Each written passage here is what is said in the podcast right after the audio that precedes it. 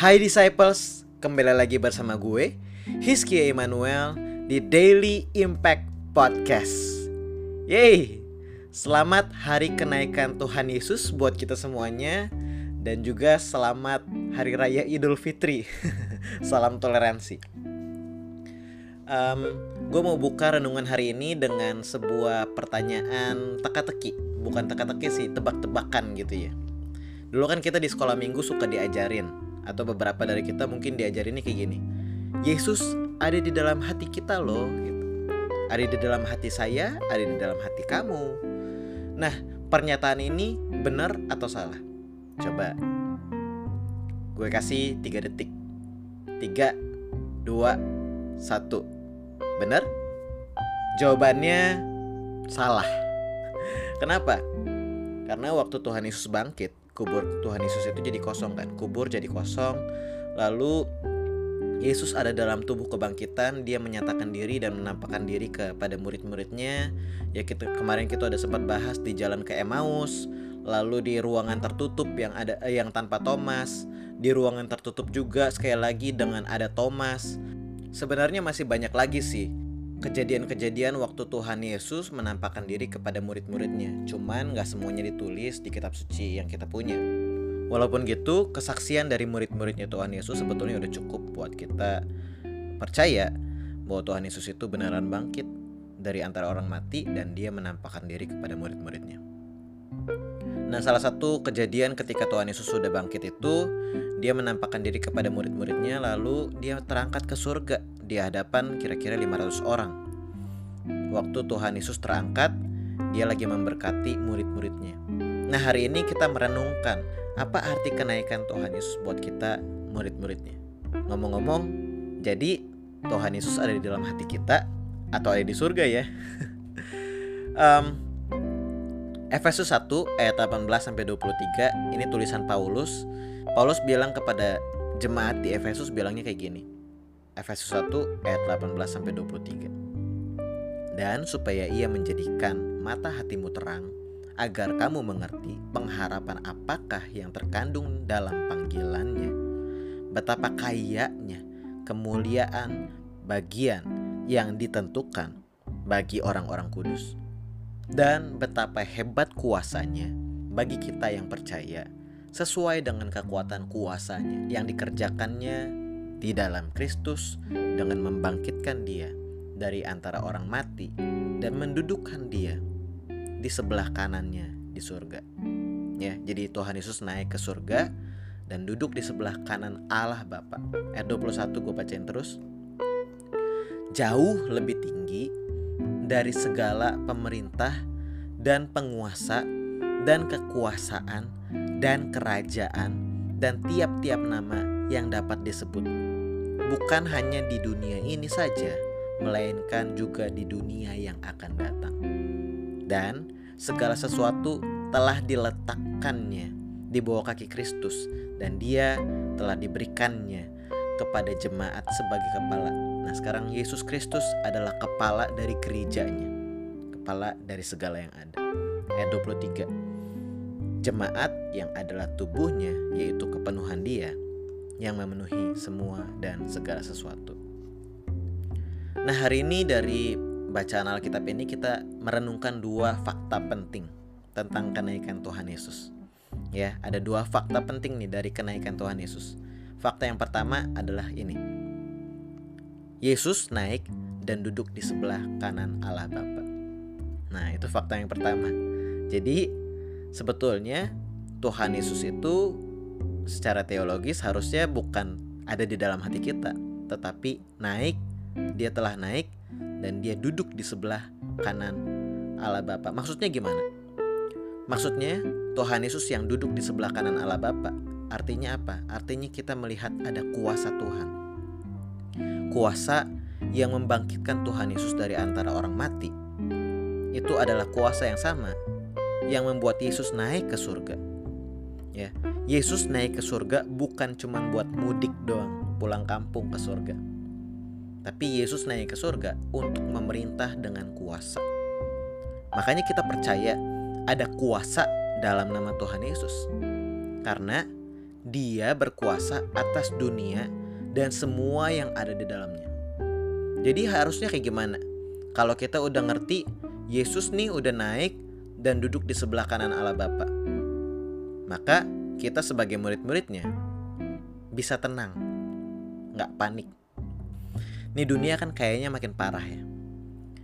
Baru-baru ini kita dengar ada perang di Palestina. Lalu ada juga varian baru dari COVID-19 ya di India. Dan banyak juga pendeta pendeta-pendeta yang baru meninggal. baru-baru ini juga Raditya Olowan, pendeta Raditya Olowan dipanggil Tuhan dan banyak sekali yang kecewa, banyak sekali yang nangis. Tetapi di dalam dunia yang makin sedih, makin parah. Kalau kita ngerti Tuhan Yesus itu udah naik dan duduk di sebelah kanan Allah Bapa, maka kita bisa tenang. Kenapa tenang? Karena kita percaya God is on the throne. Tuhan sedang duduk di tahtanya. Dia memerintah atas kerajaannya. Gak ada yang dapat jalan tanpa izin dari Tuhan. Maka gue bisa tenang. Karena Tuhan itu bertahta, Tuhan memerintah, maka nggak ada hal yang melebihi ya, nggak ada cobaan yang bisa melebihi kekuatan kita. Memang itu benar karena Tuhan yang memerintah dia tahu dan dia mengerti nggak ada yang dapat jalan tanpa seizin Tuhan. He is in control.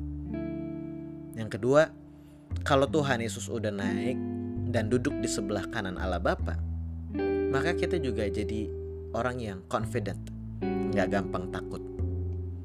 Nah, gue suka ngedengar tuh ada orang yang takut banget sama setan.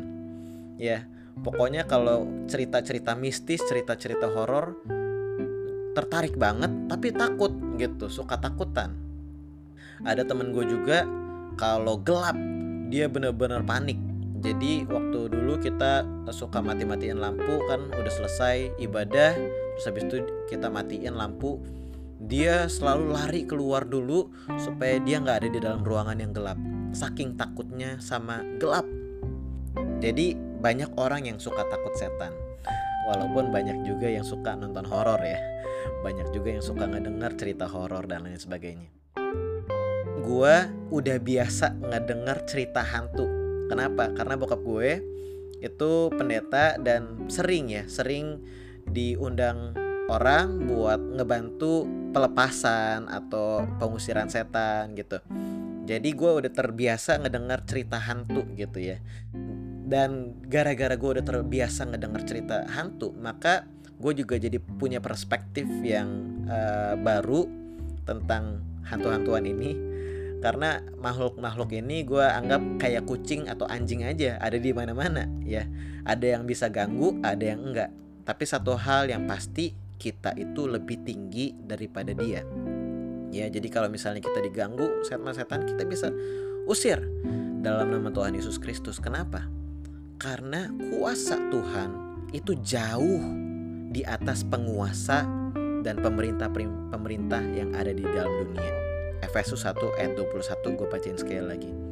Jauh lebih tinggi dari segala pemerintah dan penguasa dan kekuasaan dan kerajaan dan tiap-tiap nama yang dapat disebut bukan hanya di dunia ini saja melainkan juga di dunia yang akan datang. Kita jadi confident sebagai orang percaya sebagai pengikut Kristus, kita melihat Tuhan Yesus yang telah naik dia duduk di sebelah kanan Allah Bapa, berkuasa.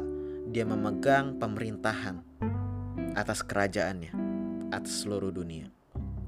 Ada satu prinsip tentang kerajaan Allah. Kerajaan Allah itu already but not yet. Kerajaan Allah itu sudah datang, tetapi belum sepenuhnya ditegakkan.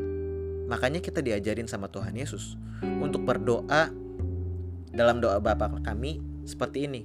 Ada satu line ada satu kalimat yang bilangnya kayak gini datanglah kerajaanmu jadilah kehendakmu di bumi seperti di surga di bumi seperti di surga kenapa kita berdoa kerajaan Tuhan datang dan jadi kehendaknya di bumi seperti di surga. Karena already but not yet sudah datang tetapi belum sepenuhnya ditegakkan. Lalu kapan kerajaan Allah ditegakkan di bumi? Ini pertanyaan ini yang ditanyain sama murid-muridnya Tuhan Yesus persis sebelum Tuhan Yesus naik ke surga. Ya, di kisah Rasul 1 ayat 6 sampai 8, murid-murid tanya sama Tuhan Yesus, "Tuhan, maukah engkau pada masa ini memulihkan kerajaan bagi Israel?" Jawabnya, engkau tidak perlu mengetahui masa dan waktu yang ditetapkan Bapa sendiri menurut kuasanya. Tetapi kamu akan menerima kuasa kalau Roh Kudus turun atas kamu dan kamu akan menjadi saksiku di Yerusalem dan di seluruh Yudea dan Samaria dan sampai ke ujung bumi. Sesudah ia mengatakan demikian, terangkatlah ia, disaksikan oleh mereka dan awan menutupnya dari pandangan mereka. Jadi kapan kerajaan Allah ditegakkan di bumi? Ini fakta yang kedua. Ketika Tuhan Yesus naik, Tuhan Yesus mengutus kita gerejanya. Fakta yang kedua, Yesus naik dan mengutus kita gerejanya. Tadi kan kita udah bahas, baca di Efesus 1 ayat 22 sampai 23. Dan segala sesuatu telah diletakkannya di bawah kaki Kristus dan dia telah diberikannya kepada jemaat sebagai kepala dari segala yang ada. Jadi Tuhan Yesus itu kepala dari gereja dan jemaat yang adalah tubuhnya ini ayat 23 yaitu kepenuhan dia yang memenuhi semua dan segala sesuatu. Artinya apa? Artinya kita adalah gerejanya Tuhan. Yesus yang memerintah itu memberikan Roh Kudus buat kita kita murid-muridnya Tuhan Yesus harus meneruskan pekerjaan Injil, mandat yang Tuhan Yesus kasih tadi kita udah baca di kisah Rasul 1 ayat 8 tadi untuk menggenapi kerajaan Allah di dunia ini. Jadi sekali lagi kita itu gerejanya ya. Kita kita adalah gereja. Kita adalah gereja yang kudus, satu tubuh dan kita diutus oleh Tuhan Yesus gue uh, mau tahu deh mungkin beberapa dari pendengar uh, suka nonton Netflix series ya. Uh, gue udah lama sih nggak nonton Netflix series. Paling Netflix yang gue suka nonton kalau series itu Friends atau Modern Family yang humor-humor gitu deh. Nah tapi kalau di Netflix series apalagi yang season ada season 1, season 2, season 3 itu season pertama biasanya mengenalkan karakternya ya kan? Terus ada ceritanya sampai uh, season satunya selesai. Lalu season 2 biasanya meneruskan perjalanan atau cerita dari season 1 ya kan? Nah sebetulnya kita bisa ngelihat gereja seperti kayak Netflix series. Season 1 itu ketika Tuhan Yesus ada di dalam dunia.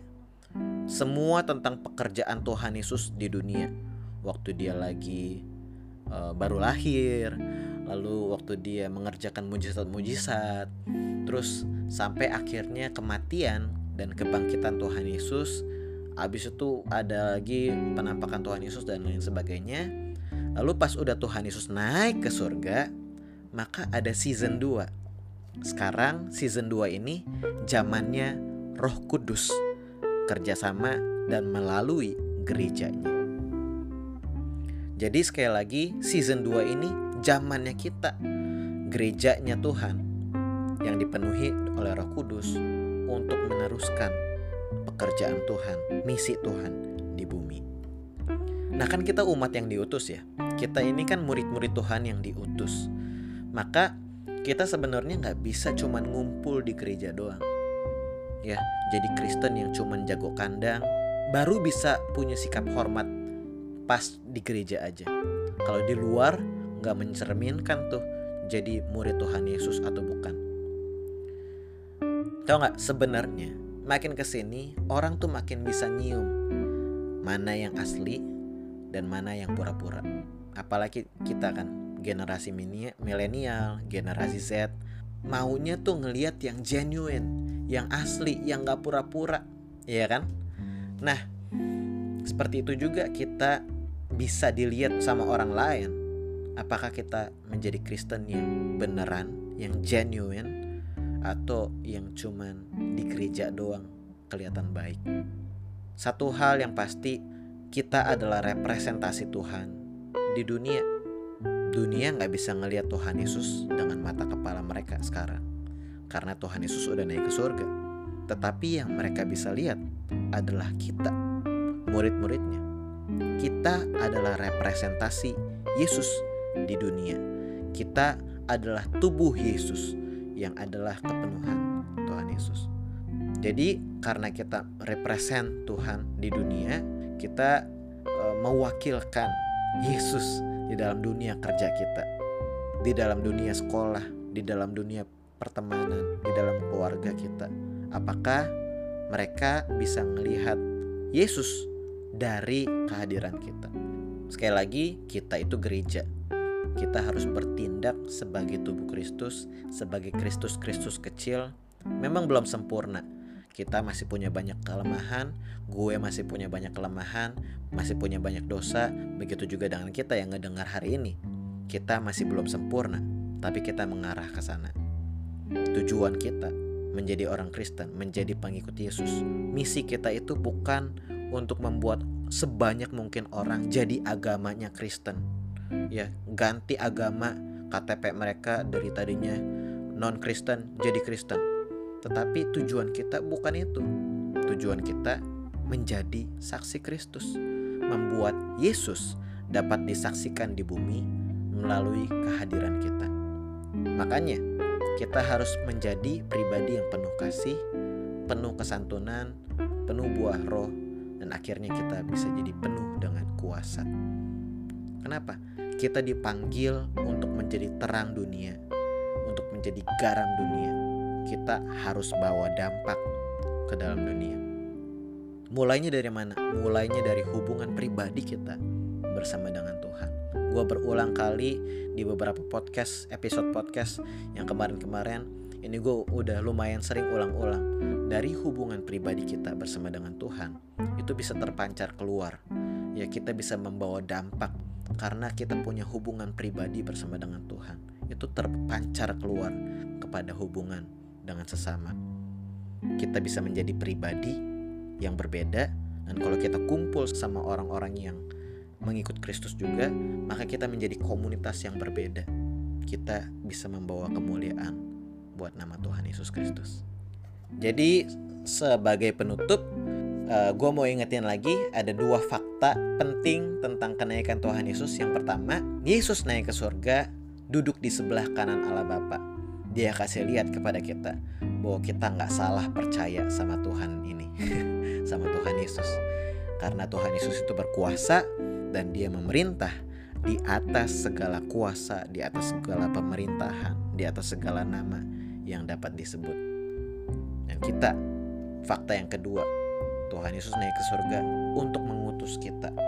Kita sebagai gerejanya punya mandat untuk membawa nama Tuhan dimuliakan membuat Tuhan dinyatakan di dalam dunia lewat kehadiran kita di mana pun Tuhan tempatkan kita.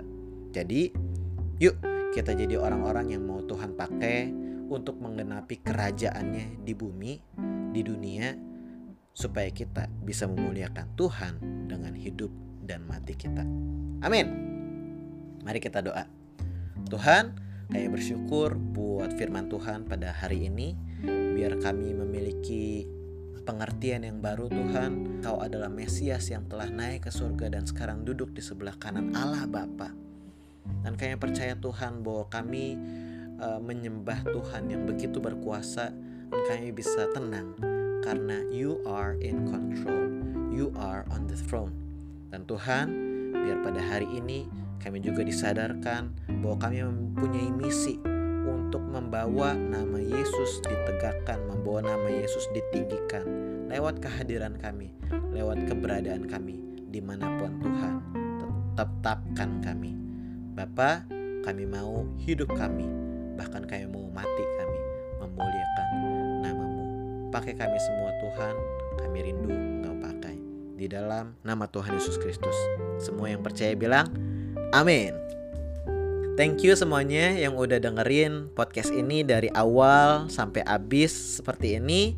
um, gue harap hari ini memberkati kita semua kalau kalian ngerasa diberkatin boleh share audio ini Anchor uh, Spotify atau Instagram at Daily Impact Pod ini ke teman-teman yang lain supaya mereka bisa ngedengerin dan diberkatin dengan renungan-renungan singkat ini. Jadi thank you dan selamat hari kenaikan Tuhan Yesus Kristus. God bless you all. See you on the next episode. Bye.